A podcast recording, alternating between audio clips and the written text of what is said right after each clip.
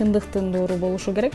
Анан акыйкаттуулуктун доору болуш үчүн доор деп атадым калыптанып калган азыркы система менен кетип аткан журналистикадай болбойт.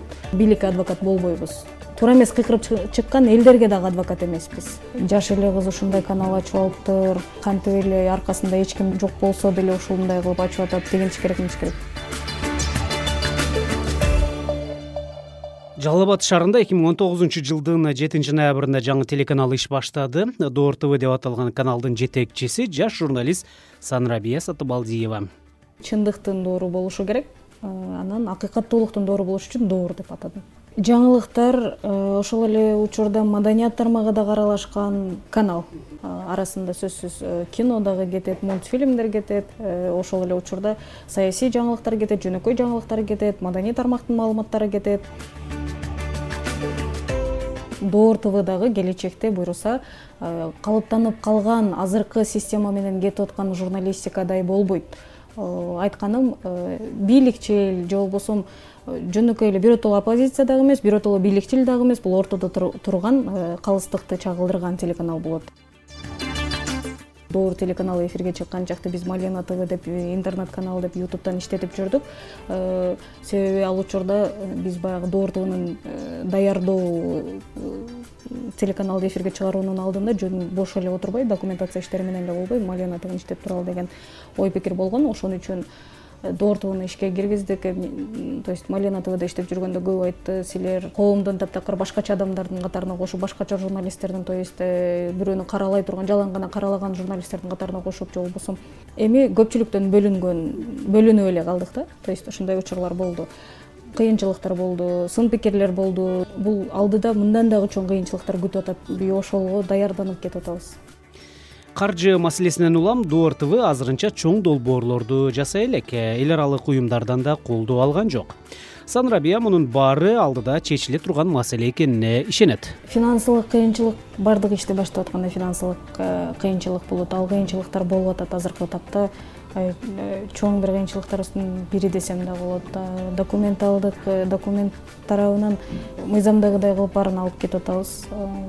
Эми документтер тарабынан алганда бул жагынан кыйынчылык болот деп эсептебейм. Э, себеби мыйзам боюнча иштесең кыйналбайсың. Жаш эле кыз ушундай канал ачып алыптыр анан жаш эле кыз ушуну башкарып атыптыр жаш эле кыз ушинтип эле кантип эле аркасында эч ким жок болуп кетсе жок болсо деле ушундай кылып ачып атат. Буга деген чоң каражат керек анан кийин тигинчи керек мынча керек. Жок эгер бир нерсеге каалоо болсо сен элге мамлекетке кандайдыр бир салым кошом десең өзүң үчүн деле ошол кичинекейиңден тилегиң болсо аракет кылсаң ал нерсе болот. Ага сөзсүз эле кимдир бирөөнүн каржылоосу шарт эмес кимдир бирөөнүн колдоосу шарт эмес өзүңдүн аракетиң. Аз аздан аракет жасап отуруп бир күнү ошол нерсе ишке ашат. Менде деле ошондой болду. Каржылык жагынан алсак башкаларчылап бизде кандай чоң каражаттар кеткен аппараттар эмес. Аппаратураларга тарабынан алсак эфирге чыгара ала турган мүмкүнчүлүккө жараша аппараттар менен камсыздап атабыз телеканалды анан көпчүлүк айтып аткандай аркасында бир чоң турат министр турат анан депутат турат бизнесмен турат каралар турат актар турат дегенде эч нерсе жок. Кичинекей командабыз жанымда колдогон досторум бар ата энем бар эң башкысы аллах колдоп атат. Жалал абадда жтр мамлекеттик телеканал. Каалайбы каалабайбы мамлекеттин саясатын жүргүзүш керек.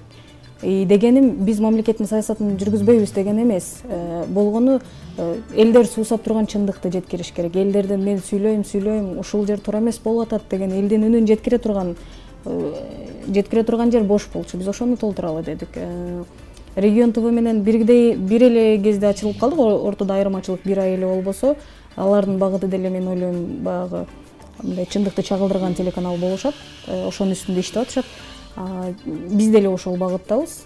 Баягы туура эмес кылып атса дагы бийлик адвокат болбойбуз. Туура эмес кыйкырып чыккан элдерге дагы адвокат эмеспиз. Жеке кызыкчылыгын ойлоп туруп бийликти жамандап атса жок биз алардын дагы адвокаты эмеспиз. Анан жасабаган эле ишин жасадым деп аткан бийликтин дагы адвокаты болбойбуз. Санрабия сатыбалдиева журналистика бишкек жана ош шаарларында өнүгүп аймактарда маани берилбей келатат деп эсептейт азыркы учурда ушул тапта бир нерсе калыптанып баратат. Ага каршы сүйлөбөш керек анын кызматы бар буга каршы сүйлөбөш керек бунун мындайы бар. Тиги тигинтип коет бул мынтип коет деп мындай коркуп турушат. Азыр биз түштүк регионуна эле чыгып аткан болсок беш жылдан кийин биз бүтүндөй кыргызстанды камтыган бүтүндөй республикага чыккан чоң бир калыс телеканалда телеканал болобуз деп ишенип атам ошого аракет кылып атабыз буюрса беш жылдан кийин келип биздин кубанычыбыз менен ийгилигибиз менен ак менен кара кошо жүрөт дегендей ошол учурдагы кыйынчылыгыбыз менен келип маалымат алып кетсеңиз болот. Бирок эки жылдан кийин же бир жылдан кийин өздөрүн эптей албай калыптыр же болбосо бийлик жаап коюптур бийликти катуусунда бирептер жабылып кетиптир эмес. Ачылган эле чоңойгон чоң бир компанияга келип маалымат алып кетсеңиз болот деп ишенем. Буюрса жалал абадда жаңы ачылып иш баштаган доор тв телеканалынын жетекчиси санрабия сатыбалдиева менен маек курдук. Менин аты жөнүм санжар эралиев